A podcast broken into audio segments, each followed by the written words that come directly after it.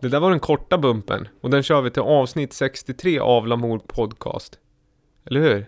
Ja, varmt välkomna. Eh, David Holm sitter mitt emot mig. Viktor Seidner. Och sen är det något nytt i rummet som har hänt. Och det är också en väldigt intressant placering för att det är liksom, jag gillar och den som tog, vem är det? Om man tar det på skrattet, då är man väl påläst på Gävles elektroniska musikliv det senaste, Mm. vad är det, två, tre decennier? Två decennier? Tre tror jag. Tre är det. Ja, tre. Ni hör, ni hör vem som sitter vid gästmikrofonen. Viktor, hur, berätta första gången du träffade David Rousseau. Oj, David Rousseau. Oj, den första gången, jag vet nog inte riktigt. Oj. Eh, Nej, alltså du såg ju så ung ut då också, jag med tänkte jag säga. Nej, men så, så jag kan nog inte minnas tänkte jag säga. nej, vi, vi, vi har ju känt varandra sedan länge. Vi har ju liksom inte hängt som vänner genom åren. Men vi, våra vägar har korsa, korsats Mm. väldigt många gånger. Mm. DJ-bås och eh, fester och vänner. Och, Ja, framförallt vänner. Musikproducerande vänner har ju varit återkommande. Så. men det var nog närmare 20 år sedan vi träffades först. Ja. Men din historia börjar eh, en bit innan det redan. Vad sa vi? Tre decennier? 92 någonstans började ju... Ja, 92... Runt 90-92. För 90 började hiphopen där. Och så sen 92 då började... Då dök det upp musik som fick mig in på lite annat. Men eh, ja, man är gammal. Men var det, var det som DJ eller producent? Eller var det precis som nu att är allting? Det, här, det började egentligen med, med som eh, att man var en, eh, en stake tänkte jag säga. Nej, men att man, man, man upptäckte det här med skivbutiker, hur coolt det var att gå in i skivbutiker och, och stå och bläddra bland skivor och allt sånt där. Och det började faktiskt med hiphopen och vad man kunde göra med en skivspelare och allt sånt. Och så sen eh, att jobba med samplingar. Det var lite det man kom in på. Men sen så det som blev elektronisk musik, eh, det var ju något som kommer dyka upp här senare, Kraftwerk. Men det var ju, det var ju syntarna, att det, liksom, det var inga gitarrer. Absolut inte en elgitarr med. Och bor man, som sagt, har man bott här i Gävle, då uppskattar man inte elgitarrer då. Mm. nej men det är sådär att, nej men det var, ja, nej det var... Jag tänker, händer. 92 säger du, jag, jag är ju liksom på något sätt du är li, en liten eller en generation äldre än Viktor och jag är en Mm. yngre än Viktor. Så det är lite liksom tripp, trapp, trull här på något sätt.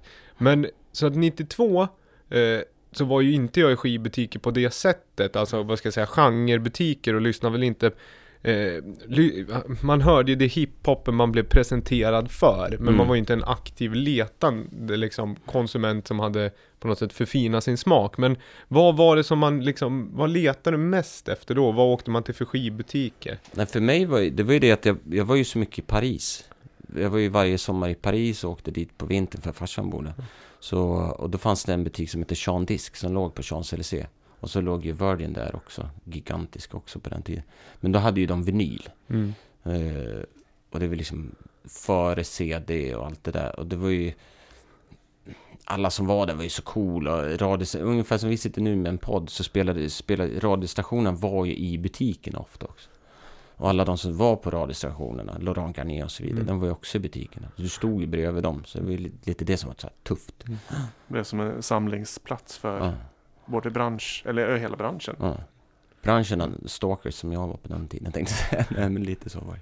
Men det tror jag, liksom, jag som är, jag har fått efter, för det kan jag berätta också för att David som sagt är ju, du har ju varit mer eller mindre närvarande i Gävle för alla, alltså så fort man eh, gillar elektronisk musik, Mm. även om inte du har bott här konstant, Mm. så dyker ditt namn alltid upp. Mm. Liksom, efter ett tag man börjar prata med de som kan scenen här och kan historiken.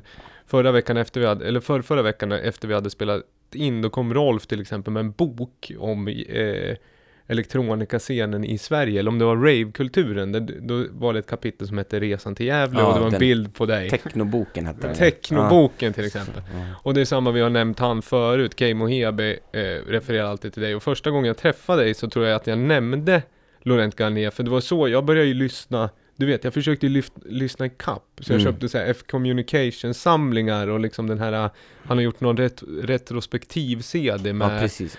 Ja. Ja, eh, Och då tror jag att jag nämnde det för dig bara för att jag kände så här att nu ska jag ändå liksom på något sätt visa att jag har jag har ändå lyssnat lite liksom. Och då Mm. tror jag, jag, jag minns det på något sätt att det blev lite så här att du accepterar, så här, ja men han har ändå lyssnat liksom Ah. mer än liksom bara Daft Punks homework. Han har Ja. hört något mer än så. Mm.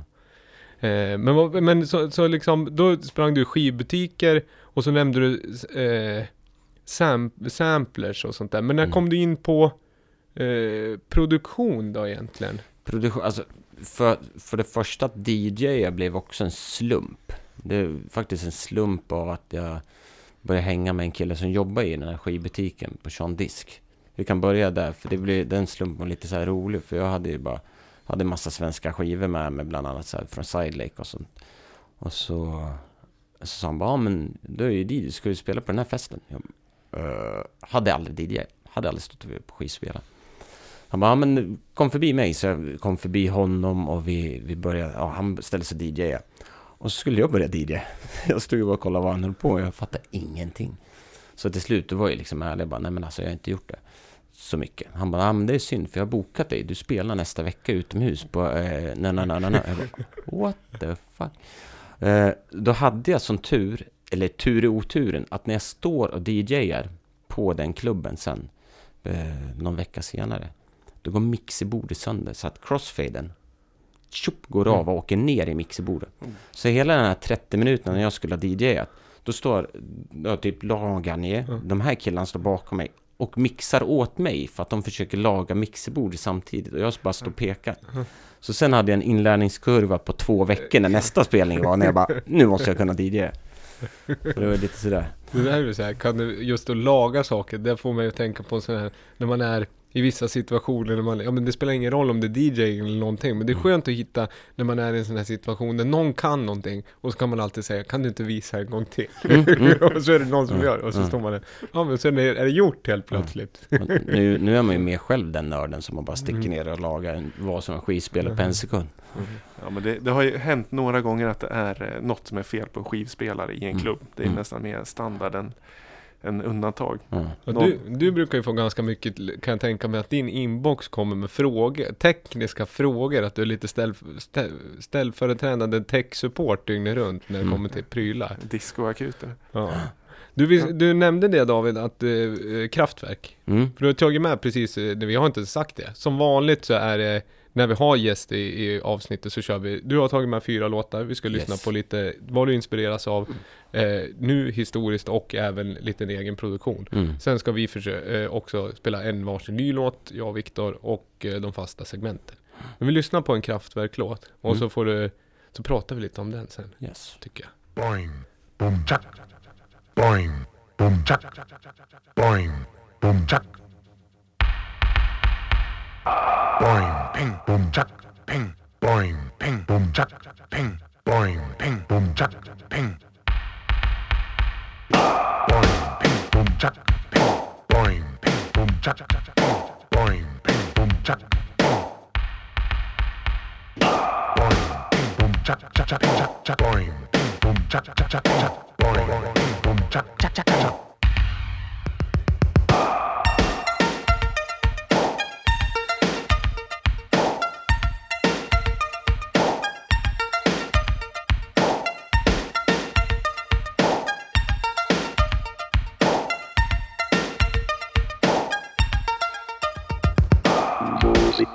Non-stop. Techno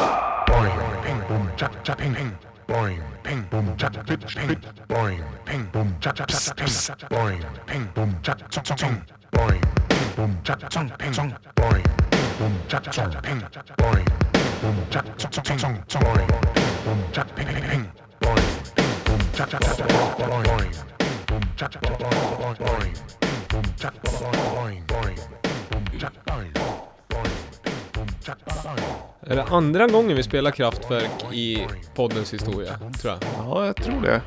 Det är inte mer, det är, det är bedrövligt egentligen. Om man har gjort så många, spelat så många låtar och bara lyckats spela två Kraftwerk-låtar. Det här är bra. Ja, den är riktigt. det. Stilbildande är väl eh, ordet som du brukar använda, men den här låten är väl stilbildande om något. Berätta när du hörde den här första gången. Eh, jag hörde den faktiskt på tv först. Det var, det var ju när jag var inne på hiphop. Och så passerade jag tvn och så bara, fasen är det där för bild som snurrar? För det, det är en ruggigt snygg video. Eh, och första gången jag hörde den så var det så här, det var ljuden var så annorlunda.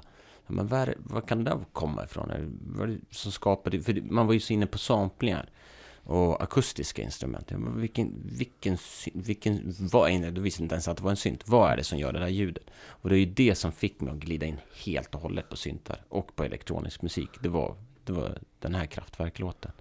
Det blev den stora bryggan, eller käftsm- käftsmällen Mm. kanske man ska säga istället. Som en dörröppnare till den elektroniska världen. Ja, faktiskt. Men hur tog, hur tog du det från att bli inspirerad till att kliva in i världen? Köpa synt. Det var Köpa så- syntar.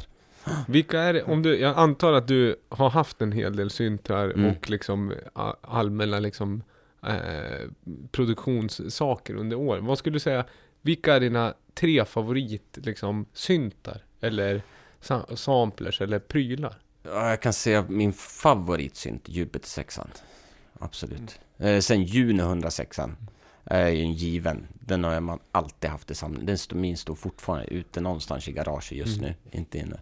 Eh, sen är ju eh, 909 självklart, 808 trummaskiner. Eh, det är de som jag liksom har brunnit för mest. Sen så finns det ju andra saker som man kan gå in på. Typ mixerbord, Mackie, alltid. Al- eller Allen and Heat. Men för mig har det alltid varit så här Mackie. Högtalare, Tanoyer. Ja, Tanoi har jag hört mycket. Jag har liksom aldrig, jag har ingen riktigt, jag har inte riktigt liksom så här, har suttit och lyssnat så mycket på Tanoi, men alla säger ju att det ska vara bra. Mm. Men nu är, jag vet, nu är jag på Adam. Apropå vad heter det, 909 så läste att Beringer, eh, det liksom, som gör lite allt möjligt. Mm. Eh, och det, vi lägger ingen vikt i liksom så, men de har ju, de har ju börjat fokusera på att göra liksom affordable eh, kloner på Mm. klassiska elektroniska instrument. Och de har ju, nu har de väl gått massproduktion med 909 i full format helt enkelt. Mm. Som ska kosta eh, estimated retail price 299 dollar. Så det blir spännande att Oh, höra ja. hur den låter faktiskt. Och det kan vara intressant bara för att den kan låta lite annorlunda. Ja.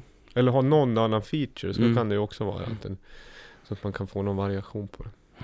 Nej men det är roligt, anledningen till att fråga, just Juno 6 är ju, jag har aldrig ägt den själv men jag har ju hört den otal gånger och Mm. många tycker om det. Vad säger du då Viktor? Det har jag aldrig frågat vilka dina favoritsyntar är. Nej, men jag, jag upp Efter så här 20 år av att skapa musik så köpte jag min första synt ett år sedan. Mm. Och upptäckte den fantastiska funktionen att man kan byta ton. Från att bara jobba med effekter och men, skivspelare, samples Mm. och sådär. Faktiskt kunna byta ton. Det, är, det, det var en revolutionerande insikt faktiskt. Att göra ackord och byta. Ja, det var fantastiskt. Så det, jag är helt, helt grön. Jag kan prata timtals om skivspelare och nålar och slipmats och sånt där. Men syntar är glad, glad nybörjaramatör. Jag skulle vilja höra dig prata timtals om slipmats. Ja. En Slipmat special, Ja, det tycker jag. Specialavsnitt för eh, de som eh, ja, betalar. Om man ska ha något. Jag vet, att, eh, jag vet att en lyssnare till podden håller på, har väl hållit på att fråga dig massa om något papper. Ja, precis. Den här klassiken för att få skivan att snurra lättare. Ja. Det vill säga mellan Ja. eh, tallriken och slipmäten. Mm. Men vi har inte tagit hit David för att prata vaxpapper, utan jag tycker att vi har hoppat tillbaka. Om vi, men då liksom produktionsmässigt, du gillar syntar som vi har Mm. märkt. Mm. Men hur liksom, när började du producera och var det hiphop du började producera från början? Eller var DJ, DJingen kom ja, först? Ja, nej, f- nej först, först var det faktiskt hiphop inom parentes av en slump med så här, äh, vad hade jag? fyra sekunders samplingstid och du kunde dela upp till på åtta bars. Det var jag vet, minns inte ens vad samplen hette. Det var typ den första som var gjord. Var det sämsta som fanns. Men det funkade. Upp, uppträdde jag faktiskt i, i Bolongerskogen. Uh, första gången hiphop spelades i den här stan också live. Mm. Något, uh, men sen så syntarna blev liksom att man ja, övergick helt. För, för grejen, när, när du köper en synt på den tiden, det är det som är så stor skillnad nu. För nu kan du liksom gå och sätta dig i studion, stänga av den, gå och lägga och sova. Det gick Mm. inte på den tiden. Om du började göra en låt, för det är typ, hade du Juno 106 han inte köpt nytt batteripack, då kunde du inte spara ljuden. Och eh, så stod maskinen och blev varm. Så Jupiter 6 lät på ett vis, trummaskinen lät på ett vis, allt lät på ett visst vis. Så gjorde du inte låten på dina 48 eller 72 timmar som du Mm. höll dig vaken, då, då var den körd. Så, så man nördade ju in sig något så in i helskotta i maskinen. Det var ju liksom därför man fast, fastnade i synträsket. Och det... Där satt man fast. Mm. Det var hej då alla kompisar och hej alla syntar. Men hur, är, du, är vi i Gävle nu eller är vi i Paris? Nu är Eh, vi- nu- nu är vi faktiskt precis i början i Gävle. Ja. Och, men rätt så snabbt in i Paris. Men hur var det då när du började i Gävle och hiphopen? Då var ni i ett crew eller var du själv som producent? Eller du var en del av en grupp? Nej, nej då, då, var, då var det ett crew. Det var Ja. Up Coast Crew, blev det. Eh, först nördade jag själv och så hittade man en rappare där och så hittade man en sångerska där och så hittade man någon annan där. Och så. Men sen så blev det ett crew för vi blev ju fler och fler som, som Roffe, Rolf Karl Werner, Mm. graffitimålare och, och dans på den tiden. Mm. Eh, så då, och alla, hela hans posse från Sandviken. Så vi växte oss då och blev Up Coast Crew, kallade oss då. Och då arrangerade ni fester här lokalt? Ja, fester. Brytfester, fester, svartfester. All, bara det var en fest. Mm. Technofester kallades det på den tiden. Ja, på den. Och hur var då, nu liksom kommer vi osökt in på det här att det, det liksom har ju någon form av renässans nu med technofester. Hur var liksom, var det den tiden när ni var, eller fick man, fick man ha fester ganska fritt? Eller var det liksom besök man, av man lagen? fick inte ha fest alls. Nej. Inte alls. Men jag läste, jag, jag läste min, jag lärde mig rätt så snabbt att jag hade varit i Stockholm på klubbar och så upptäckte jag att jag var tvungen att uppge mitt personnummer hela tiden och vara medlem för. Så jag läst, lärde mig allt om hur man har en klubb där polisen Mm. inte kan göra något. Och vi sålde, alltså det var ju inte alkohol eller droger fanns ju inte på den tiden. Alltså det var ju bara så här yoghurt och banan hippies. Mm. Så det var ju liksom, man hade personnummer och namn på de som var i lokalen och inte tog betalt entrén, då var det lugnt. Det var Mm. bara att tuta och köra. Så vi hade, kunde ha så här åtta polisbilar utanför, men de kunde inte stänga ner oss. Nej. Hade vi oss bryta oss in i lokalen, då kunde de ändå inte kolla upp med, för, ja, med ägarna, för det fanns ju inga ägare till de här gamla skitlokalerna. Men, och då brukade ni också åka till Stockholm och Ja. gå på fester? Ja, Stockholm, Sundsvall också. Ja. Glöm, det, det, Sundsvall var en st större metropol då kändes det nästan. Du nämnde Side Lake i Mm. förbifarten, Mm. introt där. De, men det var studio på den tiden, eller var det skivbolag, studio? Side, jag upptäckte Side Lake via mm, faktiskt via deras fester först. Och sen upptäckte jag att de, fan, de är ju skitgrymma DJs och de är hur många producenter som helst och de är hur långt fram i tiden som helst. Och det blev man mer, ju mer jag åkte till Paris och tog med musiken dit också så upptäckte jag att liksom bara, nej, men vi i Sverige ligger så långt fram i tiden.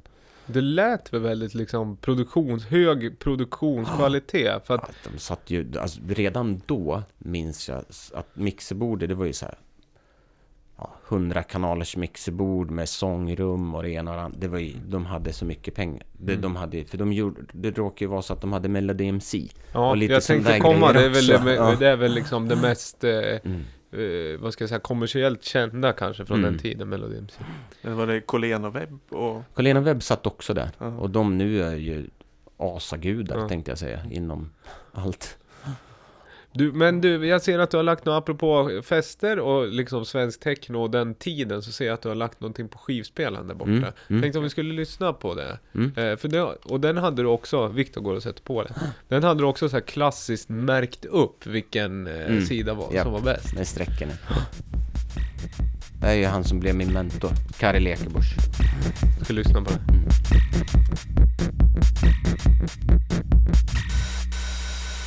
Thank you.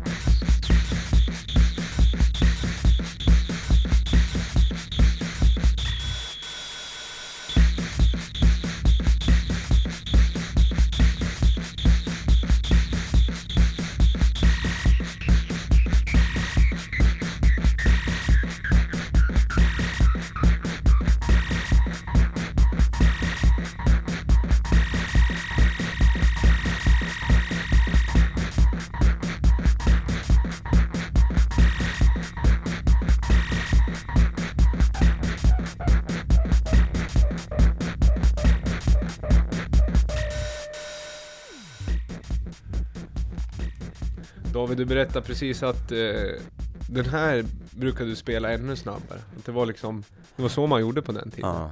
Nej, men inte bara den här utan slå mig bara hur snabb musik man spelar på den tiden i BPM. Det var ju liksom, 140 var väl normen. Nu är vi nere på 126 Mm. som är normen. Men det där du som har varit med så liksom och varit närvarande i elektronisk musik så pass länge, ser du något Finns det några tydliga cykler? Brukar du kunna utläsa lite vad som kommer när en sak blir populär? Vet du ungefär vad som kommer ta över när det kommer till tempo liksom? Det, men det, det tycker jag blir väldigt tydligt att skåda nu i och med att vi lever i en popvärld när det även gäller house och techno. Att det har blivit så stort så att liksom säger det kommer en artist, ja, det kommer The Blaze kommer. Då vet man att då kommer liksom då nu kommer vi leva i säkert två, tre år när allt kommer gå väldigt långsamt och låta väldigt nerökt eller något liknande. Det, att det blir så här flummigt. Ja, då kommer den, ja, ungefär som när Daft Punk dök upp. Fast ingen har vågat eller någonsin kunnat kopiera dem. Men eh, Daft Punk tycker jag, det har vi nämnt förr också. Det jag har upplevt, men det är väl inte så en unik spaning, men det som de alltid har gjort, med det, trots de har ju inte varit kanske världens mest produktiva egentligen om man kollar på output så har de, men det de har lyckats med någon gång, någonstans det är ju att definiera kommande sound. Det Mm, känns alltid mm. som att de ligger liksom, jaha, nu har det låtit så här, nu kommer vi och säger så här ska det inte låta längre, nu kan ni låta så här ett tag. Och sen när man känner att allting annat börjar låta det, då kommer de och så säger, sätter de ner foten igen och säger Nähä, nu är det slut, nu är det slut, nu får ni låta så här. ja. ja, eller nu ger vi oss in på filmmusik och så, Ja. så här gör man Ja. filmmusik Ja. Och höjer ribban. Den jag blev mest chockad av fortfarande när jag hörde första gången, eller man såg minst komma från dem, det är ju Human After All, apropå elgitarrer. Mm, mm. Eh, liksom den liksom magnituden av dist hade jag inte trott komma från dem, men det visar sig också bli väldigt mycket eh, så sen, noisigare liksom. Men det här, vad lyssnar vi på? Berätta Ja, mer om det här. nu, det här är Kari Lekebusch. Det var ju när jag kom, flyttade tillbaka till Sverige från Paris. Eller snarare det var han som sa, flytta till Sverige. Så gjorde jag det och då började jag jobba på en skivbutik som heter Planet Rhythm. Där Adam Beijer, Joel Mull, The Purser, ja, Jesper Dahlbäck, alla jobbade och hängde. För det var ju också en label. Så eh, det var ju han som tog mig under vingen och lärde mig liksom, nej men så här ska du göra musik. Och lärde mig mer om syntar, oscillatorer, allting sånt. Nördade in mig riktigt i musik. Eh, och vi jobbade ju väldigt tätt ihop under många år. Och sen så började jag jobba mer och mer också, jag, Kari och Abby Lundberg. Eh, och vi skapade KGB, Cosmic Gert Brothers. Eh, och så, jag vet inte hur många släpp vi gjorde tillsammans, kanske sju stycken, fem, sju stycken. Men på den tiden då startade jag också Arrival Works, en label som jag gjorde- en 12 släpp på. Där var också Abby återkommande, Kari också. Och sen efter Arrival Works så kom Innovis Records startade jag också. Och det kom upp i åtta släpp tror jag. Eller vinyl-release. Vinyl, bara vinyl. Ja. Det fanns inget digitalt då. Ja, just det. Men det, jag tänkte när eh, du fick, man säger, jag fick Kari som eh, mentor. Mm. Liksom, hur, hur gick det till? Liksom, fann ni varandra som vänner först? Eller liksom, liksom, såg han, såg Ja, han det- att det här finns någonting vi kan jobba vidare med? Eller? Om man såg det, jag vet inte fasen om man såg det, för jag var kass. Nej men, nej, nej, nej, nej, men det, det var vänskap, för jag bodde i Paris. Och eh, Kari, Adam, alla åkte dit och spelade. Min syster, då, eh, Kari och så, Mm. var ju label manager där och hade hand om dem på sin, på sin, en av sin lilla inom parentes label Step to House. Så då blev det ju så att, eh, med att hon bokade, upp, bokade dit dem, så när de var i Paris, hon jobbade, ja då går vi ut och hänger på stan och visar dem skivbutiker, och åker och köper kläder och lite sånt där. Så vi blev, det blev, vi blev vänner hela bunten. Och sen så blev det liksom, där var jag en ensam fisk och så var de fler fiskare i Stockholm. Så det kändes mer naturligt att liksom flytta tillbaka, eller flytta tillbaka till Sverige, men flytta till Stockholm. För då fanns också Docklands. jag åkte rätt så ofta och spelade på Docklands. Jag hade en kompis, Erik Sköld, som hade hand om det.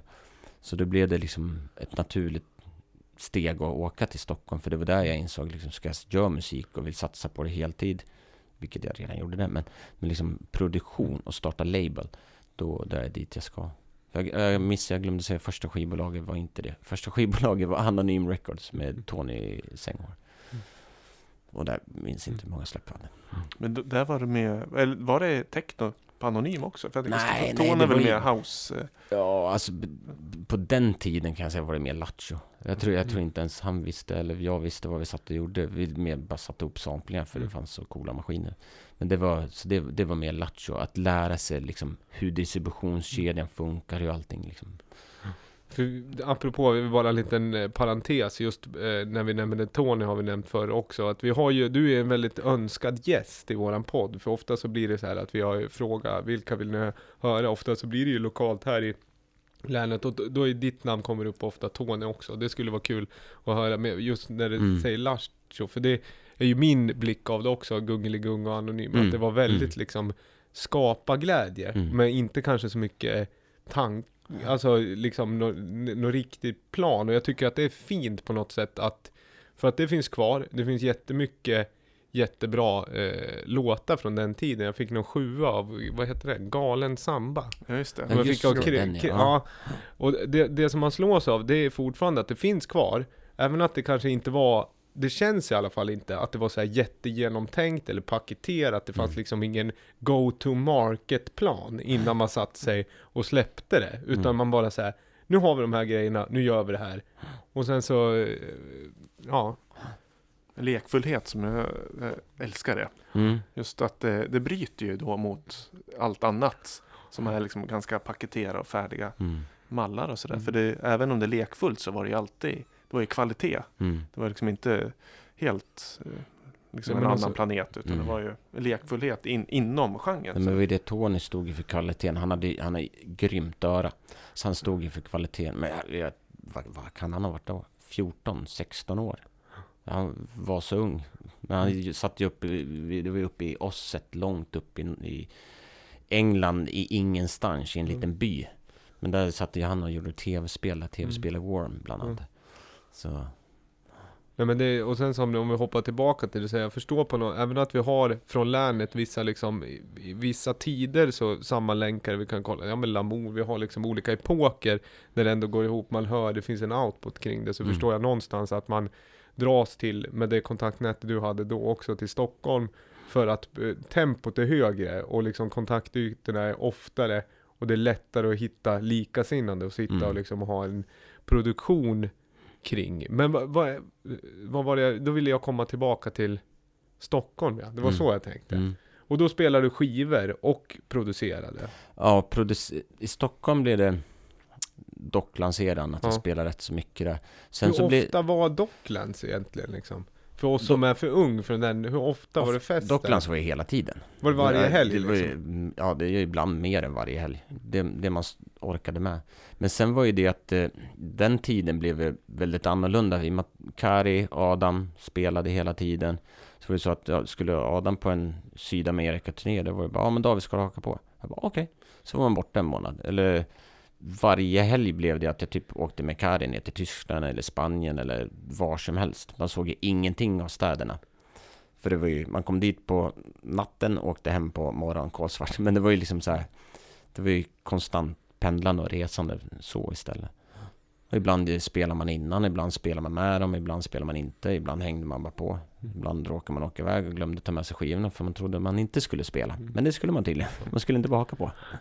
Och det är annat nu, det, märker man liksom nutidens DJ som ofta, det är liksom lättare att konstant ha ett liksom USB-minne Ja. i bröst, bröstfickan Mm. om det skulle krisa. Mm. Det var lite annat projekt där liksom. Eller det var lite 35 kilo vinyl Det var lite tydligare att man hade en dold agenda med sitt Ja. liksom crew, alltså man bara såhär, ja men jag följer med också så här, jaha Mm. du ska med, jaha det är så du tänker Mm. liksom. Nu, så här, nu kan ju någon gå in på en bar eller spela, ja just det, ja, det, är, är inte lika mycket skylta med att man har en Du, vi gör så här, vi, trots att eh, egentligen kanske det skulle varit bra om du spelar alla låtar, men vi har ju, jag gillar ju ändå lite, vi har, nu har vi det här konceptet. Mm, mm. Så jag ska spela en låt också, men då har jag tänkt till lite. Ah. Och jag har tänkt att eh, jag ska spela något franskt. Mm. Och jag ska spela någonting som touchar liksom Daft Punk och sådär. Eh, och sen så vill ni gissa vad det var. Men det är nytt. Det är från, Uh, kom i slutet på oktober. Kort låt. Men jag hoppas ni gillar den. Låtlistan hittar ni som vanligt på Spotify. Lamour Podcast Tracks. Allting som finns tillgängligt läggs till där.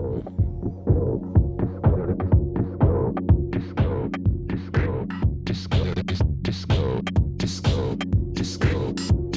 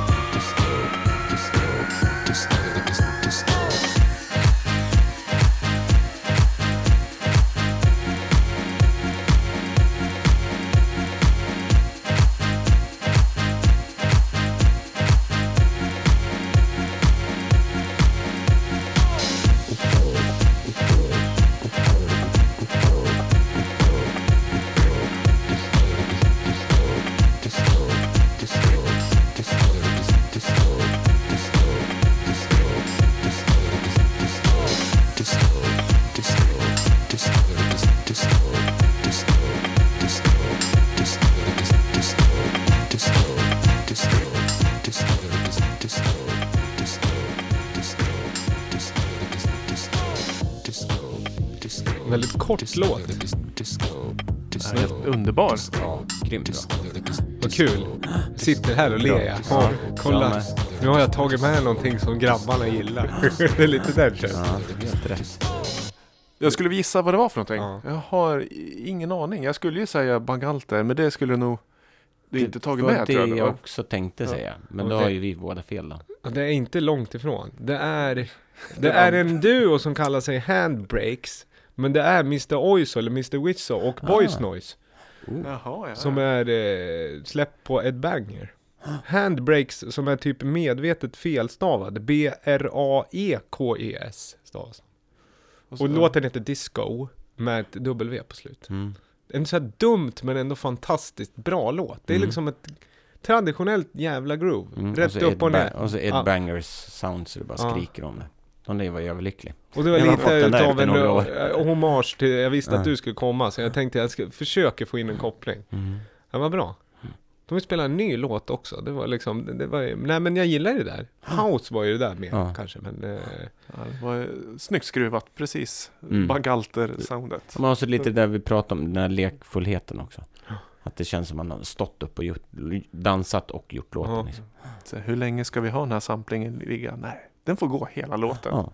Ja, och så gör man en kort låt istället. Och det är ju lite så här för att det, det är, det är som du säger, om jag ska tänka pop. För, för det det här kan vara en efterkonstruktion också. Men skulle det här varit, skulle vi backa bandet så att året är 2000 för exempelvis.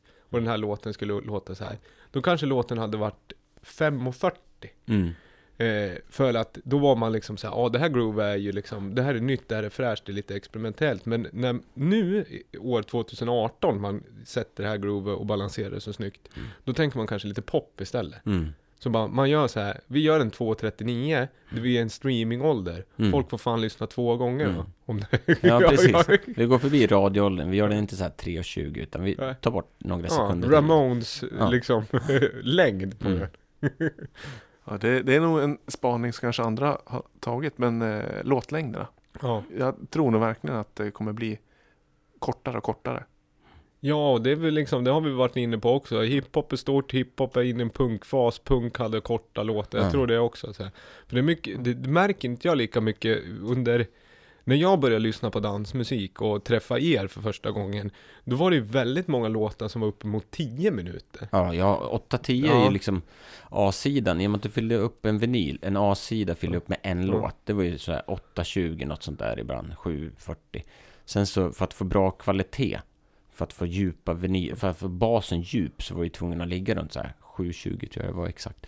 Eh, sen så B-sidan skulle ha två låtar och då blev det annan, det blev lite sämre kvalitet på den.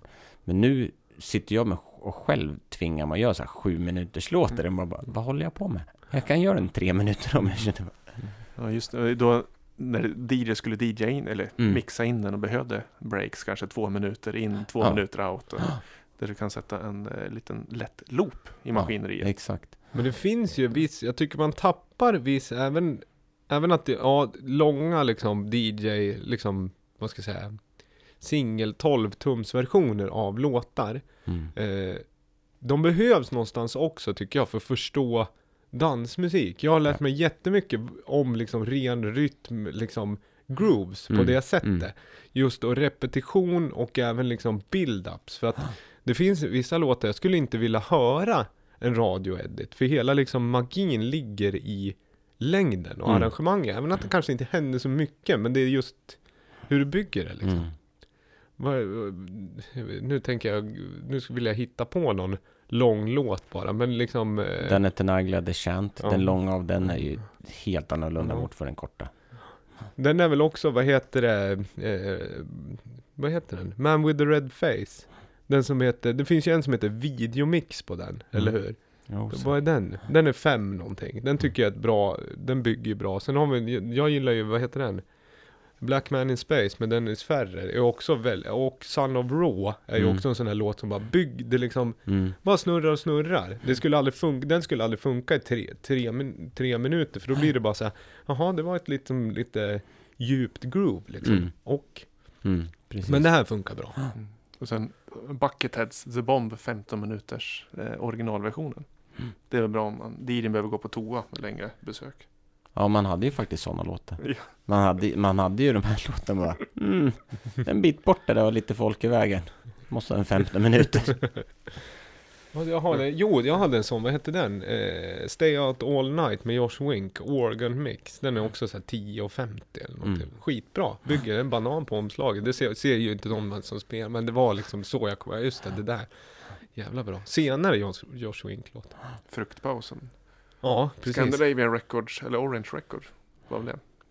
vet Underlabel till Scandinavian Records släppte mycket gött. Ja. Ner sig lite. Men om man, kan man lyssna, de här Arrival Works som vi pratade om. Mm. Det vet jag att, eh, undrar om jag har någon skiva som jag kan ha köpt av Kay eller dig. Som du har släppt. Och sen så vad heter det, kan man lyssna på det på Spotify? Nej, Nej, det är bara vinyl. Nej, inte ens. Allt kommer, kommer. Jag kommer lägga ut allt gammalt där just för att jag tycker... Nu börjar det bli så roligt med... Det, vi- man pratar om det i program eller i luften allmänt kanske. Vi gjorde om BPM. Ja, det, ja, men det här med hastigheten och... Och när jag själv lyssnar, jag har ju tagit med mig några nu, vi kommer inte spela någon av dem ikväll, men hur hårt det var. Att det när jag sätter, det är bara en, det ja, vad ska man säga, det är bara en vägg med ljud. Mm. Det är som punk, nu nästan när man lyssnar på det. Otroligt hårt, man liksom tryck på alla, Mm. alla ljuden.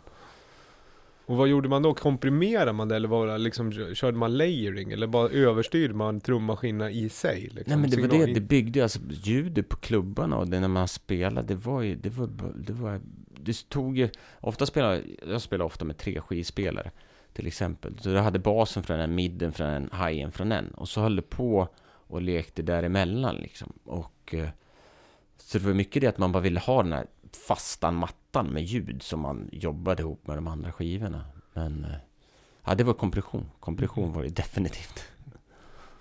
Ja. Vad heter det, vi ska, vi pratade om det tidigare. Men vi ska spela den här. Ska vi inte göra det? Mm. På den andra låten. Det blev fransk idag. Burning. Ja, det är du som tog med Mm. det. Jag, jag tänkte, jag ska försöka... Ja, men hålla någon liksom röd tråd. Ja. Sen ska vi spela lite slim smala skiva också lite senare. Vi ska lyssna på nytt från dig som finns, Mm. det finns på Spotify. Det finns på Spotify. Stasis släpper Ja. Ja. Men det pratar vi mer om Ja. sen.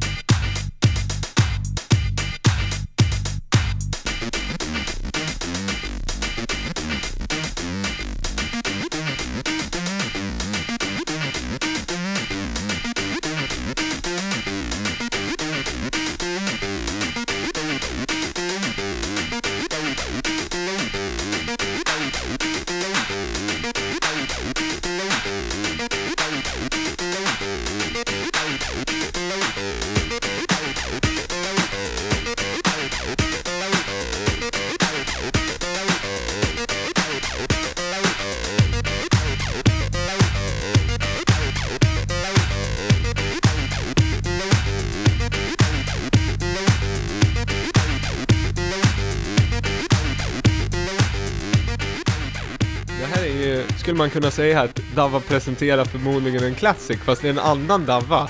Och det är liksom innan riktiga segmentet kom. Mm. Det här är ju en riktig, apropå videos, det är en bra video. Ja. Och så visar den att det var ett gränssnitt för hur hård musik man egentligen kan göra. Hur knorriga, distade ljud man egentligen kan göra.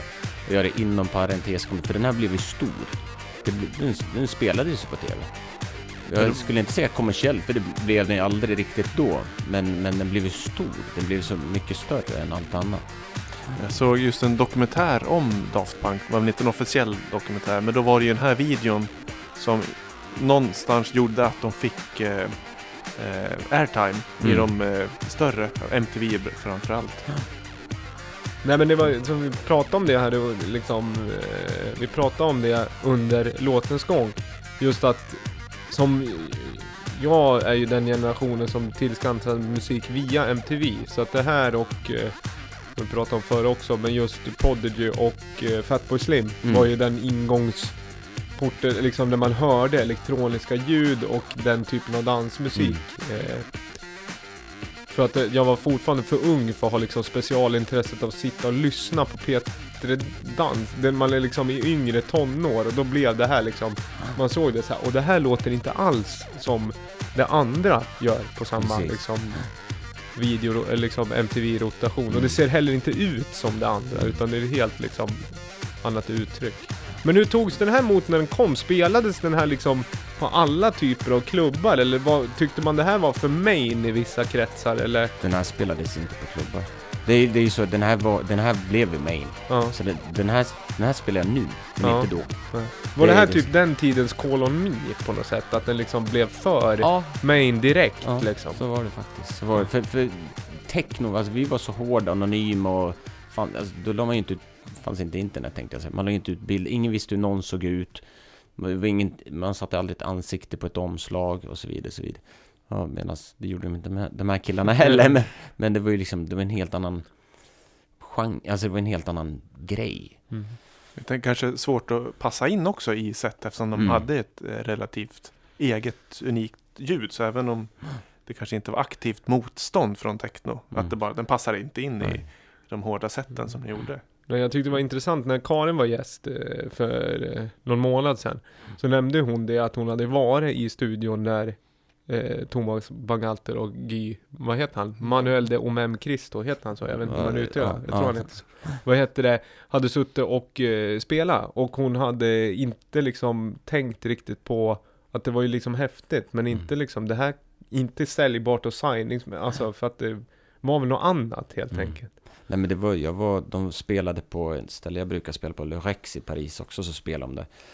Och jag reagerar aldrig på att jag har hört dem spela DJ på en fest någon gång sådär, men det var ju nu i efterhand när man, så var, det någon som hade hittat på någon video och la ut den. Och så såg jag liksom hur folk var klädda och vad det var. Jag bara, men fasen jag var ju där den där kvällen. Det var ju... Och så kollade jag upp med min syster och så bara, jo men vi var där den kvällen. Bara, Holy crap, jag har sett dem. och det, det var ju utan masker och så vidare också. Men, Men det var inget som eh, blev bestående liksom, minnen Nej. då. Utan det är mer, Nej, nej, då var det ju bara, så kan man säga, one hit wonder. Om man Mm. trodde lite på det, man tänkte inte så mycket på det. Nej. Det, var, det passade ju inte riktigt in, så man Nej. tänkte inte så mycket på det. Men så sen växer det i en själv och, och när ett sound är så klassiskt och aldrig försvinner, det blir som, ska vi säga då, Michael Jackson, lyssna på Billie Jean eller vad som helst, hur Mm. bra produktionen är, ja då ligger det ju kvar i en sinne.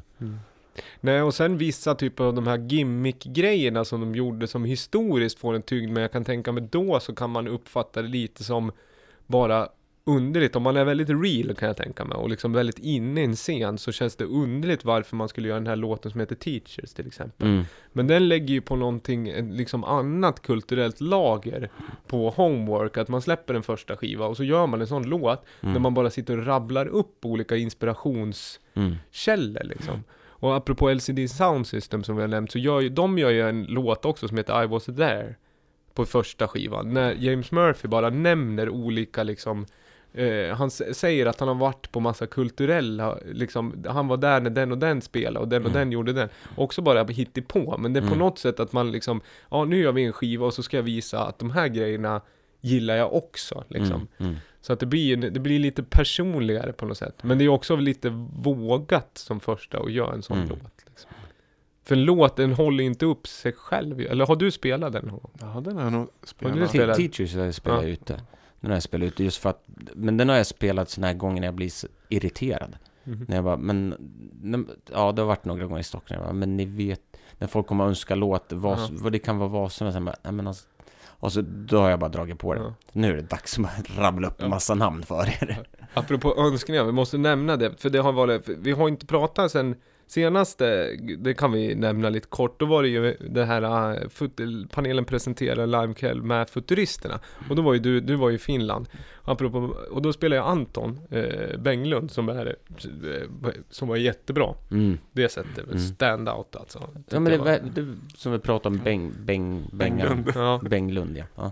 Livehouse, och det var ju bara live den kvällen, det var li- lite roligt att få damma av ett sånt, jag kan tänka mig att ni gjorde sådana fester förr, men det har inte varit på ett tag i Gävle. Men då kom det fram en och önskade Avicii, och han mitt i den live Nej, ja. Jo, och hade en sån här, typ som en app, när Mm. du liksom skriver in vad du vill höra, för den var skärmanpassad. Och höll upp bara, Avicii. det tycker jag är roligt, också i ett sånt sammanhang. Är här, Mm. hur, hur skulle han kunna göra det på liksom På live. Ja, Ja. ja, det är bara liksom hamra ut på Octatracken en liksom live-version av Hey Brother. Eller Ja, kanske, hitta det en, kanske, ka- var, hitta en countrysångare inne där. Ja, det kanske var så bra, han tyckte att det var så bra att det här, det här är lika bra som Ja, Avicii. Jag måste är- visa det för honom. Det Ja. här, så här bra är det. Mm.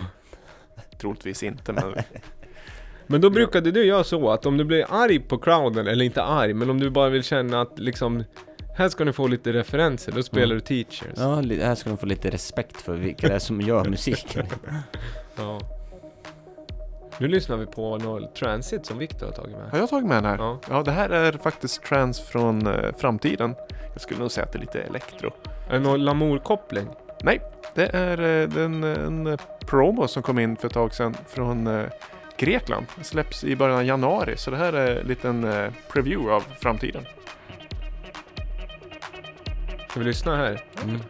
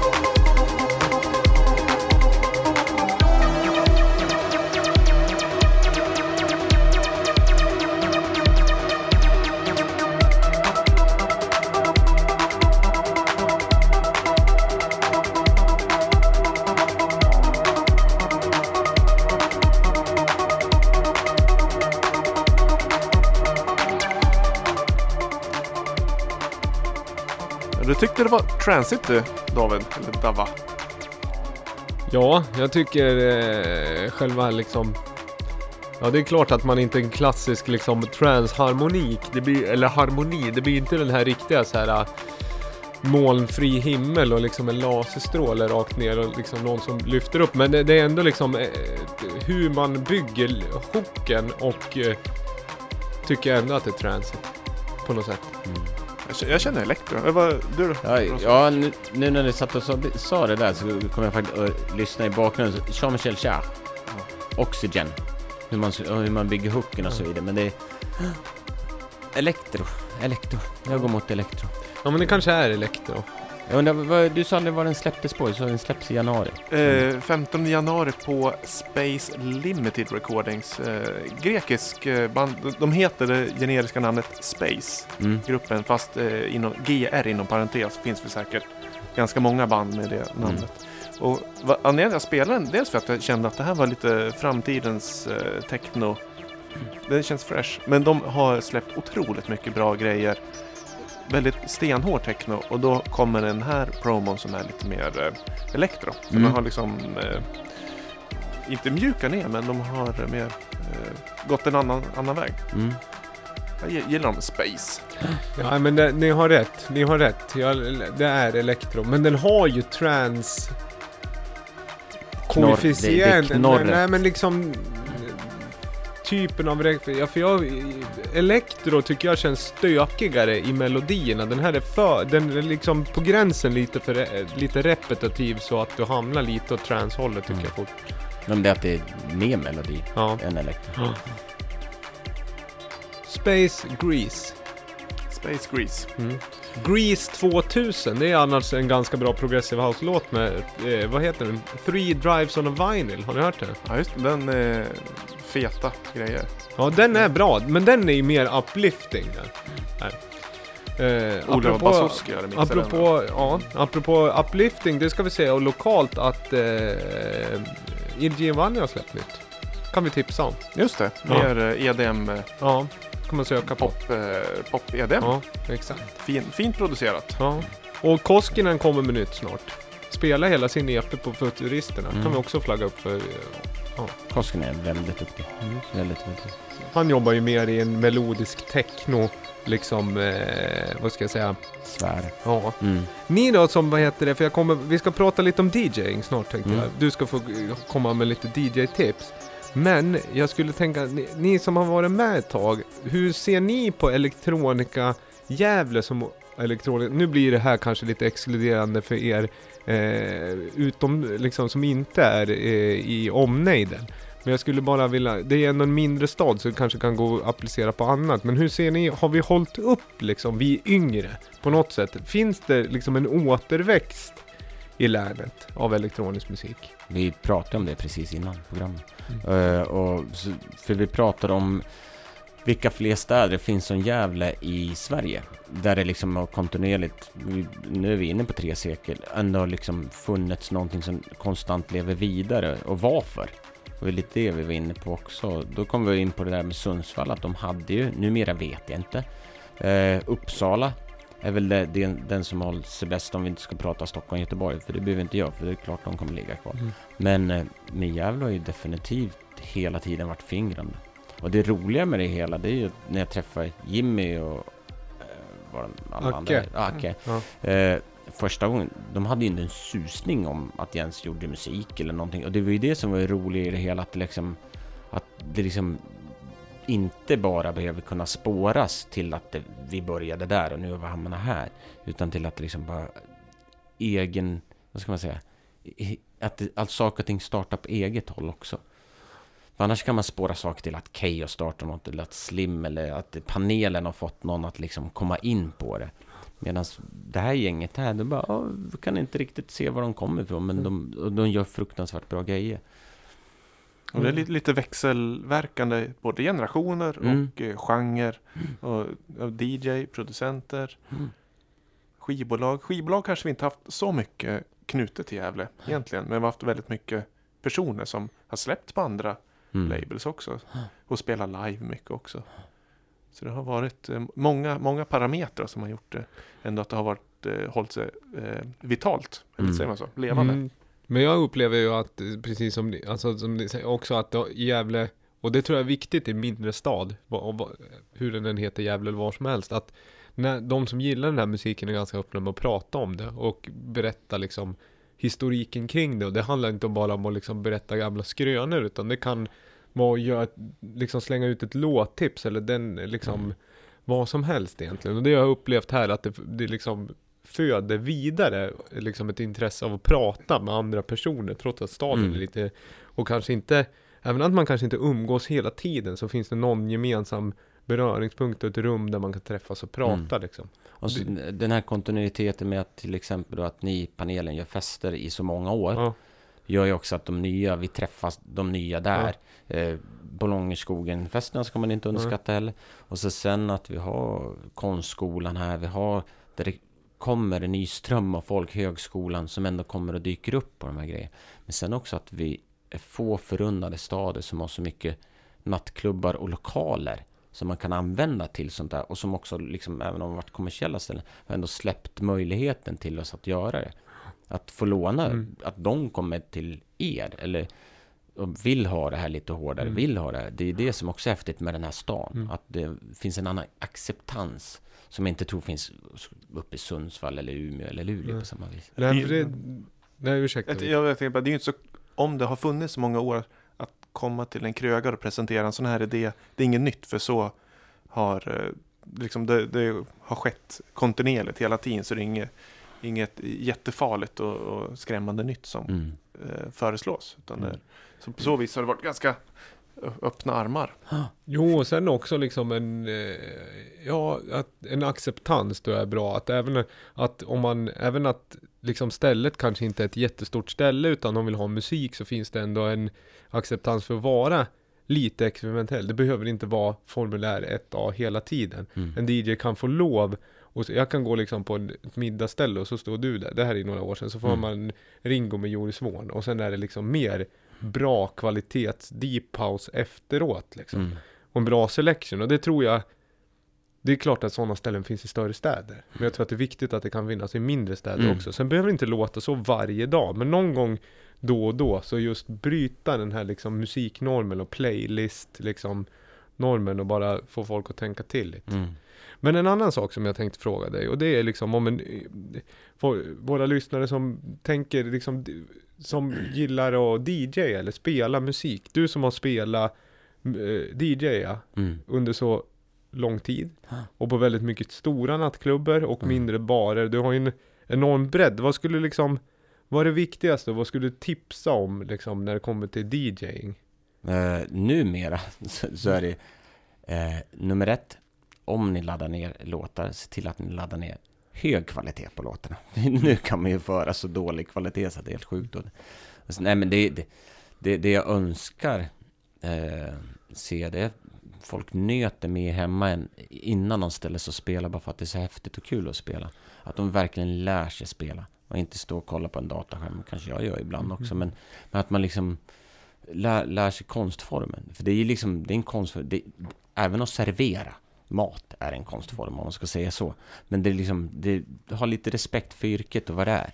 Eh, och inte så mycket, ja, respekt för yrket.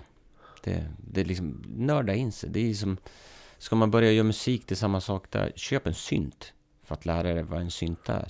Och, och jag skulle helst skulle, vill man ju att alla ska ställa sig och börja DJ med vinylspelare för att förstå att det är lite kämpigt. Det är inte bara att trycka Mm. pressplay. Men eh, ja, och så, och så gräva bak i soundet. Inte vara så rädd för att bryta så här, eh, vad säger man på svenska? Gen, genre. Eh, Ja, genre, genre, alltså ja. genreöverskridande. Ja. liksom. Att liksom gå in på, ja jag vill vara techno-DJ, ja men lyssna på lite house också. För du kan, vi nämnde ju The Chant med Dana Tenagla till Mm. exempel. Det finns låtar du kan få in som kan få ditt sätt att bli så otroligt mycket intressantare än att bara gunga på i två timmar med samma. Mm. Ja, det, men det, har du. det, det En av de första gångerna jag hörde dig, då var, eh, måste vara över tio år sedan, på Club Kompass som var på Heartbreak Mm. eh, en gång. Och då var Okej involverad också. Men då Mm. spelade du och så Style of Eye som spelade sen. Då spelade jag först tror jag. Och jag var ingen vidare DJ. Jag, är liksom, jag har inte ju riktigt gjort den läxan och nött. Jag har ju blivit liksom okej att spela kontinuerligt. Men jag kommer från ett annat håll. Ja. Men det, det, den tar jag åt med lite själv. Men det är en bra sak du säger. För att det är, framförallt om man ska jobba i dansmusik. Mm. Då är det jätteviktigt att man har liksom tänkt ordning och tänkt liksom utförande Mm. med. Och sen som du säger, inte dat dataskärmar tycker jag generellt är lite sådär. äh, Den kan ta fokus från det. Det blir liksom en ljuskälla i ett rum som ibland är överflödig. Men det jag tänkte komma till, då just att vara genreöverskridande. För då vet du, eh, Style of I var jättebra. Ja, det var, han var ju jätte, jättebra. Du var också jättebra. Men du som känner Gävle och visste vilket ställe det var. Att det var liksom inte en re, liksom, Det var en ganska kommersiell klubb som har ett liksom eh, vad ska jag säga, ett medvetet crowd. För det var ju lite en udda dag så att de som kommer dit förväntar Mm. sig ju inte att det låter precis som det ska göra där en vanlig löningsfredag. Men du vet ju också Gävle, så att du spelade ju dansmusik, men du slängde också in lite, tror du spelade en Beastie Boys-låt. Mm, det kan jag tänka Ja, och då var- tänkte eh, en beat eller en remix av Fight for your right. Och då tänkte jag så här, fan så här kan man ju också göra. För då var jag så väldigt så här, eh, man ska inte säga pubertal, men jag hade liksom låst in mig vid att jag ska spela liksom, jag ska spela deep house liksom, och Mm. microhouse. Men eh, med facit i hand, vilken effekt det fick, så tänkte jag så här, jag som älskar så enormt mycket musik borde kunna göra så mycket mer när jag spelar Mm. än att bara liksom upprätthålla någon, eh, någon puls. För det är folk som är skickligare som kan göra. Ja, jag kommer ihåg den kvällen. Jag VJade ju då. Det var precis, eh, ja, du satte ord på tankarna. Mm. Det var jättebra kväll och du imponerade. För det var också, eh, det var ett tag sedan då som du hade spelat för jävla publik. Så det Mm. var lite comeback av till eh, lokala Mm, ja. scenen. Och det blev eh, där. ett bra comeback. Ja, det lustigaste av allt att jag minns det som en av mina sämsta spelningar någonsin. Nej men för Stylify är otroligt tight DJ. Och jag, blev, jag hade hört han någon gång i Stockholm innan. Jäkla tight DJ. Men det, han hade ju en bra warm-up då. Så det var ju bäddat. Hade Mm. jag också. ja, i alla fall någon som tog ner förväntningar. Alltså liksom väldigt så, det var svårt att liksom inte höja sig. Men det var säkert, det var säkert jävligt mycket guldlåtar i min selection. Det, jag hade säkert velat, att man, jag hade, playlisten hade gjort sig bra i print. så, kan det vara, så kan det ofta vara när jag spelar. Alltså så här, retrospektivt, jävligt bra i print, David Holms playlist. Men eh, om vi var där så var det, ja det var sisådär. Det var säkert superbra det.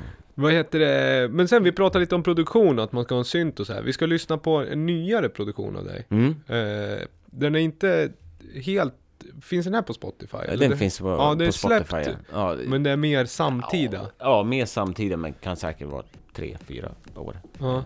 Ska vi komma in, vill du höra den från början eller ska vi ha en lite bakgrund eller ska jag spola in? Vad tycker du?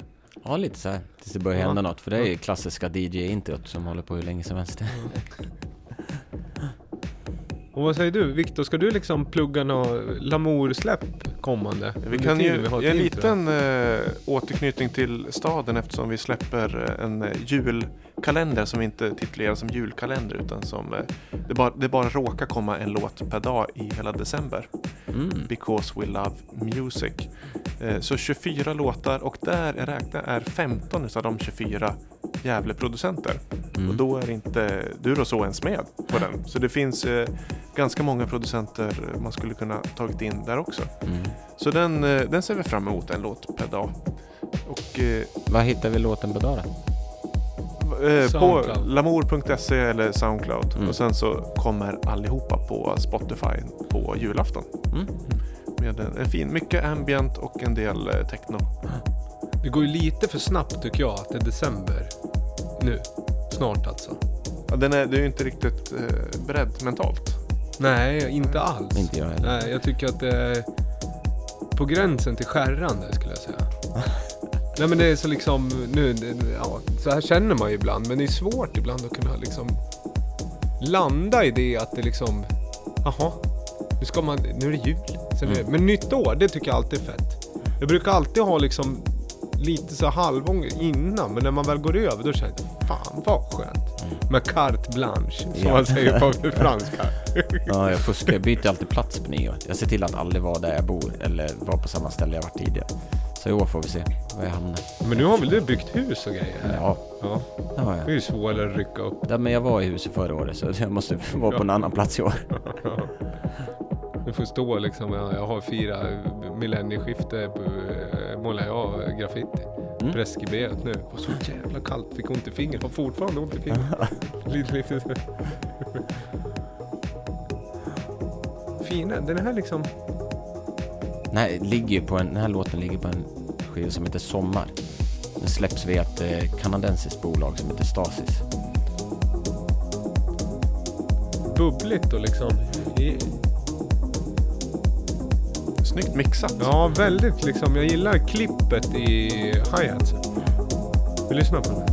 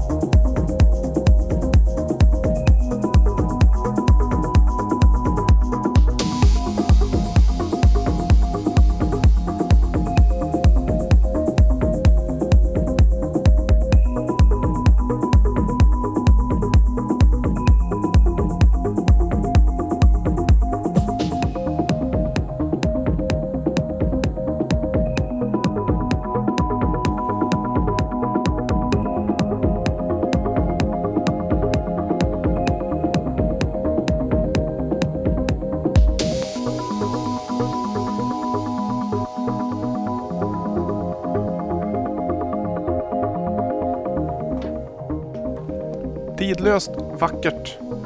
Med eh, David Rousseau. Vad heter låten? Sommar? Eh, nej, det, EPn är sommar. Jag tror den heter morgon eller 33 grader kan vi säga. Ja. 33 degrees. Ja, helt omöjligt att säga. Ja, du sa det under låten att du försöker, när du har arbetat åt Stasis, att du försöker eh, göra ganska tidlöst. Eh, Och som du själv inte kan, även för dig själv, inte Ja. liksom... Nej men det är lite så, jag lyssnar på mycket på så här Chris Menas, Fred Falk, eh, sådana grejer. Så inser man bara, men alltså, det här kommer jag kunna spela om 10-20 år. För det ligger liksom ingen tid i det. Och det är så jag har suttit med de här låtarna, försöka skala bort. Jag har gjort någon brygga, jag har gjort något sånt där, bara.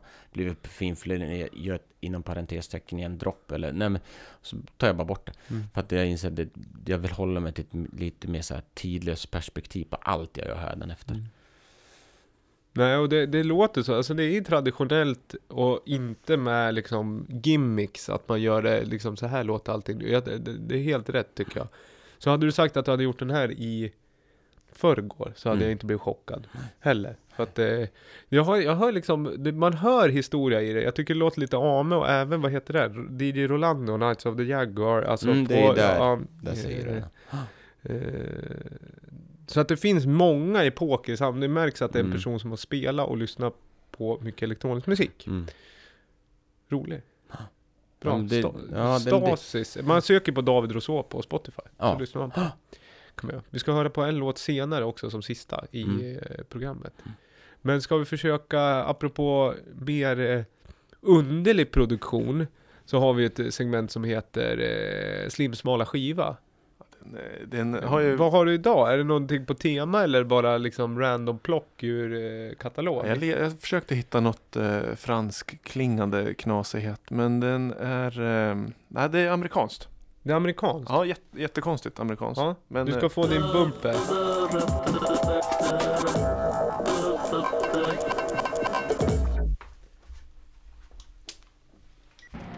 Give me three good reasons that I should buy this piece of technology.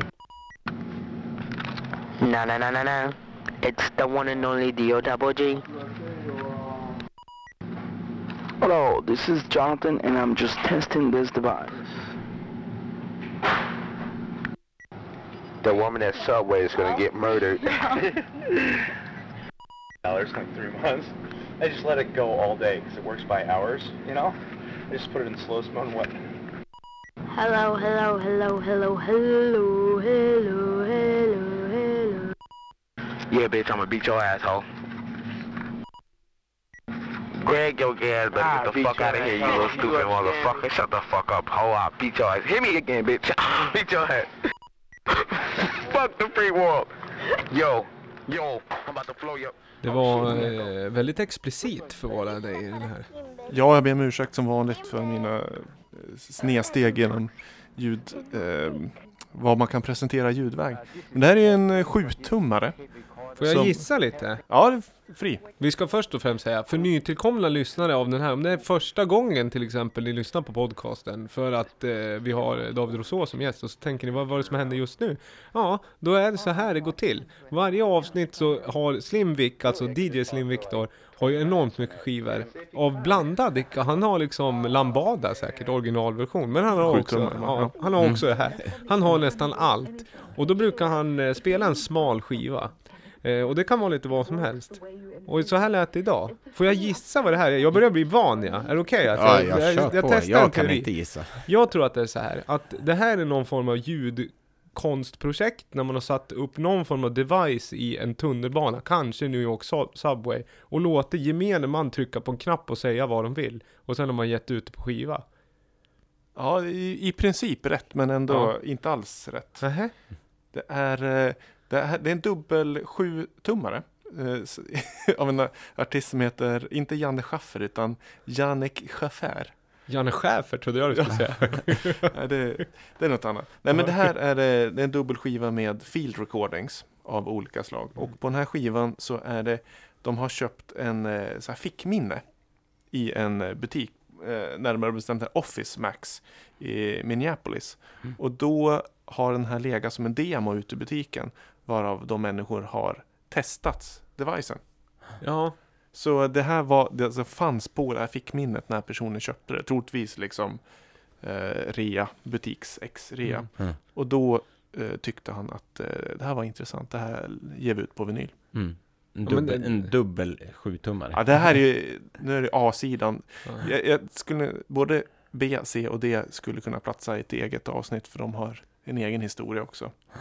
Ja, det här känns väldigt nära mig, för jag skulle kunna göra något liknande fast en diktsamling. Jag jobbar ju länge inom retail också med teknikprodukter, iPads Mm. och så vidare. Och då är, i början, då fanns det inte riktigt den mjukvaran som auto-wipade de här. Mm. Så att i anteckningen, då kunde man ju läsa kuken till exempel, kunde det stå Ja. tomt till det. Det är som att jag skulle lägga ut det som en diktbok, Ja. liksom de anteckningarna i butiks-iPad. Ja. Björn Ranelids nästa. Ja. Det är lite det en tanke. Ja, Ja. För man har ju det här pip också. Men då var jag inte så långt ifrån. Nej, det var nära. Lät Vad- som det var så här rough neighborhood. ja. Och som vanligt så eh, brukar vi säga i det här segmentet att det, det här var ju samplingsvänligt. Apropå, Mm. nu kommer en snygg segway. Apropå det, när jag jobbade då, då pratade vi maintenance va? Eh, butiken, hur skulle det se ut? Mm. Och då sa de att eh, en av de butiker, de tog så här skräckexempel. Och då var det en butiksutställning i, på Champs-Élysées i Paris, som var, där kablarna som var helt eh, liksom trasiga. Och det var alldeles, man fick städa mycket med det, för det var, hög, det var tryck på de Mm. där. Mycket folk. Och fransmän. Ja, nej, det, ska jag, det lägger jag ingen vikt. Det var väl mycket folk som var peppade. Precis som på det, liksom skivbutiken Ja. också. Vad hette den här? Minneapolis Office Max Messages Field Recording. Fint omslag. Jättesnygg. Mm. Eh, det var det verkligen. Du, vi ska, eh, vi ska stanna kvar i USA. Inte Minneapolis. Apropå Minneapolis ska jag även nämna om man har vägarna förbi Minneapolis som lyssnare så ska väl Moodman spela ett liveset med bara Prince-låtar på Paisley Park. Oh. Som eh, tribut till den eh, bortgångne. Kungligt. Ja, det skulle man vilja se. Ja. Jag tror, det känns inte som att det blir konsert-DVD. Utan det känns som att det skulle vara, man skulle vara där. Mm. Men nu är vi i Detroit istället och ska lyssna på Dava presenterar förmodligen en eh, classic. Det blir lite lugnare för jag tänkte att det skulle vara tempo idag så jag ska ta med en slinga bara. Fint omslag. Det är rött och vitt och en konstig fold. Vad kallas den här folden?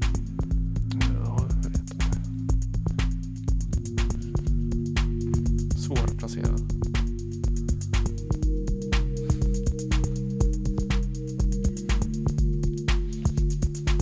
Tycker ni om det här så här lugnt? Då? Är det för lugnt? Nej, nej,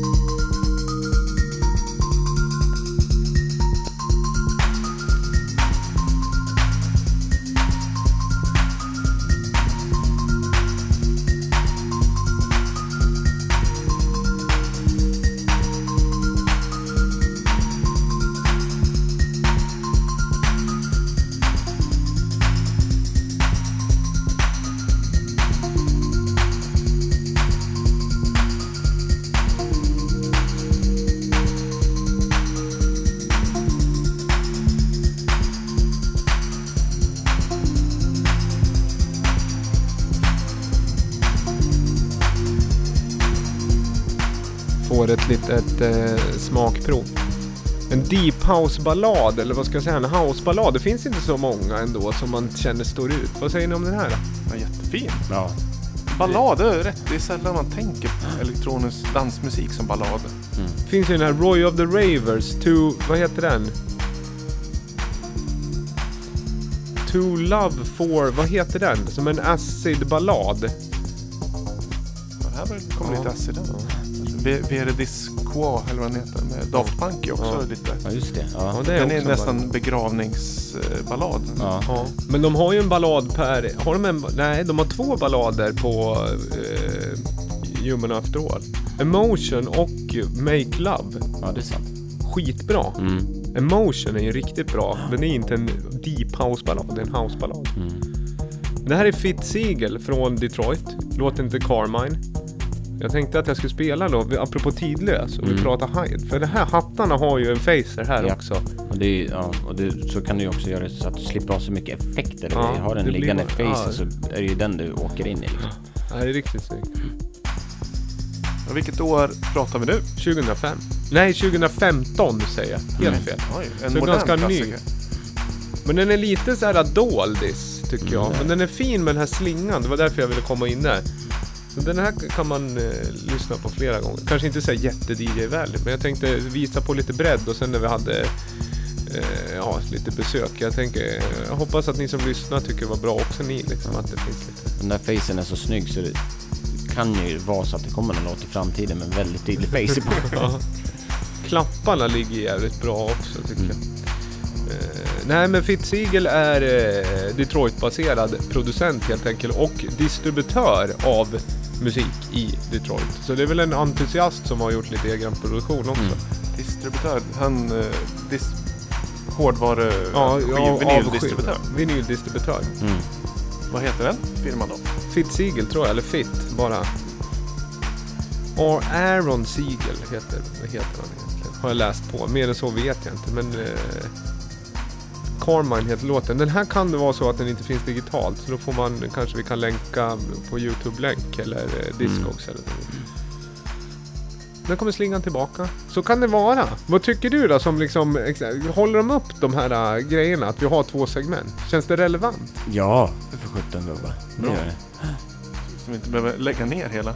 Nej precis. Nej men lägg ner det. Ja, ja, precis. Börja om, byt format. Vi, tar, vi har hållit på i 63 avsnitt men sen tar vi in en gäst som liksom ändrar formatet Ja. helt, helt liksom. Ja, så bara, ja nu måste börja om på nummer ett igen. Ja. Mer, eh, mer mattips och liksom mer... mer Exakt. Livsstilscoachning. Mm. Vuxenmobbing och sånt där. Nej, Lägg in lite sånt. sånt har vi, det har vi faktiskt klarat oss väldigt bra ifrån. Har inte blivit, har inte på så. Väldigt snälla killar. Mm. Det. Om man får välja vara snäll och upplyftande eller lite ond och hård Mm. så väljer man att vara positiv. Ja, jag. men det är lite, eller så vänder man till, som jag brukar säga när man ska producera musik, att man behöver liksom input för att kunna ge output. Så för mig handlar allt det handlar om, vi har pratat mycket om så här, influenser, andra, nämnt Lohan i förbifarten och sånt. Det är, liksom, det är alla de här inputen som ändå gör, som den här låten du spelar nu, som gör att man, även om den är gammal eller nytillkommen för en månad sedan, det är alla de här inputen som ändå gör så att man kan skapa output. Och som håller, som jag tycker också Gävle har varit duktig på så också för en själv när man nu, numera bor här att man ja, går på era panelenkvällar, man hör kiosken köra live, man hör killarna från Uppsala. Att man får liksom bra input i staden. Men hur eh, sorterar du? Alltså, ju äldre man blir, desto mer input totalt sett. Desto mer input måste man ge. Så är det för mig. Ju äldre man blir, så det, är liksom, och det, det handlar inte om så här krav på kvalitet i det man producerar, utan det handlar om att man liksom ska producera. Att man, att man ska spela, att man gör någonting helt annorlunda, en vändning i ett sätt eller någonting. Det är lite så. Snabbare mixar, vad, vad det än kan vara. Att liksom skapa ett input så också.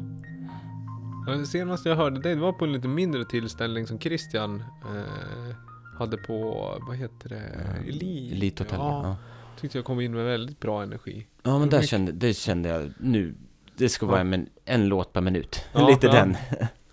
Apropå Christian hade faktiskt tipsat om en, eh, en låt idag var presenterad förmodligen, eh, förmodligen en classic. Mm. Eh, så där blev det. Jag spelade en YouTube-rip fick vi det. Det där var ju riktigt pinsamt. Oj, oj, oj. Nej men Christian tipsade om en grej. Den kanske vi kan höra sen. Jag ska inte säga det för den har jag tänkt på själv. Men en annan mix med riktigt bra låt.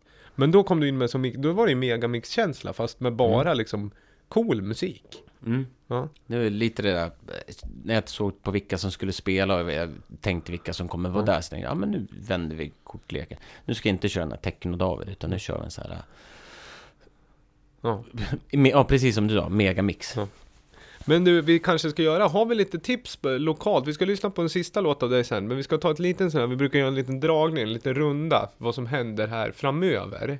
Eh, och då har ju Viktor gjort en eh, jingle som heter midjetavlan.wave. Den har han gjort på ett tåg. Kanske man nästan hör att den var gjord på ett tåg. Men... Eh, eh, jo, Lamour. Ja, vi har, har eh, Because We Love Music som vi har pluggat några gånger nu i podden. Första december kör vi igång. Eh, på fredag den 23 kommer eh, samlingen eh, musik tillägnad Bertil Enstöring Drone och Ambient för ensamma stunder släpps på Spotify. Åtta eh, långsamma drone-stycken.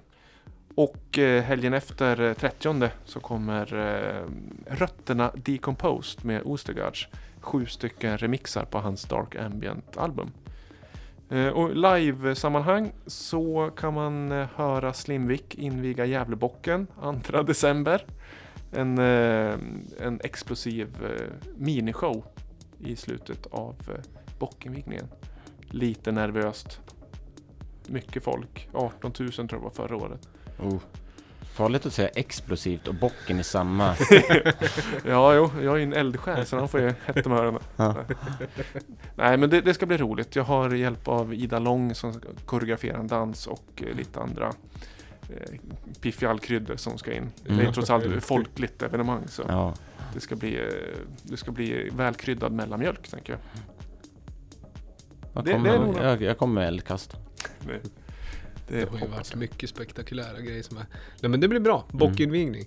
Du har, vi lyssnar på en låt eh, som du har gjort. Mm. Det ska vara som sista. Men har, vi, har du någonting mer i pipen som man ska? Kan man följa det på Soundcloud eller något liksom? Man kan följa mig på Soundcloud men jag håller på, just nu håller jag på att bygga upp något nytt. Som egentligen är gammalt. All, som jag sa tidigare, alla de här gamla Rival Works, Innovest ska digitaliseras och komma ut gratis. Det ska bara ligga ute gratis överallt. Det ska streamas men det ska också finnas att ladda ner gratis. Jag tänker inte sälja någonting av det. Uh, ingenting av mitt äldre producerande kommer jag sälja eller försöka tänka, tjäna pengar på. Det ska bara finnas där som Ja. inspiration. Men sen så kör jag igång delar. Eh, David Louis och så, recordings. Eh, som, som jag tänkte faktiskt se till att jag har anknytande producenter från stan också. Inte bara ge mig på att jobba med så här gamla kompiskända namn eller något sånt där, utan jobba mer lokalt. Spännande. Mm. Eh, som Digital label då? Eller? Eh, digital label, ja. Men jag kommer se till att det kommer dyka upp lite vinyler då och då. DLR. När Mm. får vi se första release från den tror vi? Det kommer bli början på nästa år. Lagom så här, ja, början på nästa år. Det är lagom till sommaren kan man säga. Det blir eh, anledning att eh, återkomma till podden då och Mm, berätta mm, mer mm. om Skulle vara kul. nya releaserna. Absolut. Ja, bra. Då Mm. har vi en anledning att du ska komma tillbaka. Mm. För det är så vi vill göra. Återkommande gäster. Och har ni tips på gäster? Har ni tips på musik? Har ni gjort musik? Då får ni skicka in det till eh, Lamour. Eh, eller DMa på Insta på eh, David Erik Holm kan man ju också. Ja, valfri plattform. Valfri plattform. Lamour eh, kan man gå in och likea på Facebook. Vi har, apropå så här evenemangstips, vi har fått frågor eh, om eh, episod två av panelen presenterar en livekväll med Futuristerna. Det blev en bra kväll och Mm. det är det var ingen one-off grej men det jobbas på. Det är heller ingenting som kommer ske en gång i veckan men det kommer igen. Mm. Var så säker. Eh, ska kolla med mina två eh, kollegor på enheten helt enkelt när det ligger nytt eh, i pipe. Men eh, det kommer vi eh, uppdatera om. Vill man bara ha lite inspiration tror jag Acke, Simon eh, Sandman som brukar vara med, Acke spelar på Noun. Då kan man höra lite all möjlig musik eh, fredag, lördag den här helgen i Gävle. Det är väl så. Jag, jag har ju ett, ett sista tips som jag glömde som är jättebra. Det är att eh, kaféet Little Art Cakery har öppnat i Alleholmen. Ja. Och det är inte bara att det är ett fantastiskt eh, café med gott kaffe och härliga cupcakes med mera raw food, veganbaserat mycket. Utan hela Lamour Records Store huserar i kaféet. Så man kan köpa sina favoritvinyl där på och dricka Mm. kaffe samtidigt. Mm. Och det kommer även finnas en del äldre David Rousseau-vinyler där. Mm, eftersom upp eh, hade med sig lite idag. Mm. Som vi ska göra hemåt i butiken. Så Little Art Cakery på Aldeholmen i Gävle. Jag ska göra ett tips också på allmän begäran och det vi börjar prata med om att du börjar på hiphop. Hiphop är hett nu och jag vet att eh, en lyssnare till podden, Junne, eh, ska spela, han är ju en ren scratch-DJ va? Eh, spelar på nya Bastard Burgers på lördag. Hiphop only, om man gillar det. Ah. Eh, Det är en ny invigning av ja, så är det. börjar, börjar igen. Men som sagt, li, eh, Lamour Records står äntligen ett eh, fast ställe nu också. Ja, publikt sett. Ja. Mm. Sen har jag sagt en annan grej och det är en kommande. Pistol Pete, eh, som vi brukar spela på den, har ju annonserat kommande släpp på Idle Hands Bristol som är suverän, som heter Orphan. Den måste vi se till att du får in på något sätt i shop. Och sen ska vi ha DLR också när det Ja. väl kommer. Japp, kommer. Stort tack för att du var med David. Mm, tack själv. Stort tack! Får ni ha en trevlig liksom, det är snart december. Vad är det som händer? Skicka lite låtar så vi får komma över på andra sidan eh, 2019 nu. Eller hur? Oh. Tiden går. Ja, tiden går. Vi lyssnar på, vad heter låten som vi går ut Det här är väl Morgon, Det här som är är, Morgon. på sommar-EPn Ja. Stasis Recordings.